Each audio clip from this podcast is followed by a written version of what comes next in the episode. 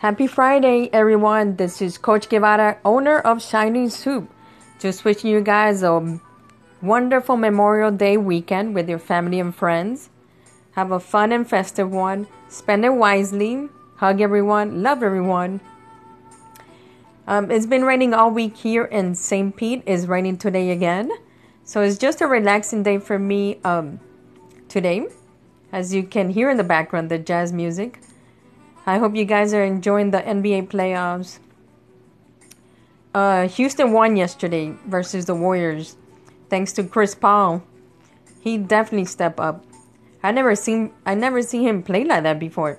I'm glad he stepped up and the Houston won. I'm rooting for the Warriors because they're a complete team. They play well together. I never like uh, James Harden, never will. Just the simple fact because he only plays offense He's an offensive player.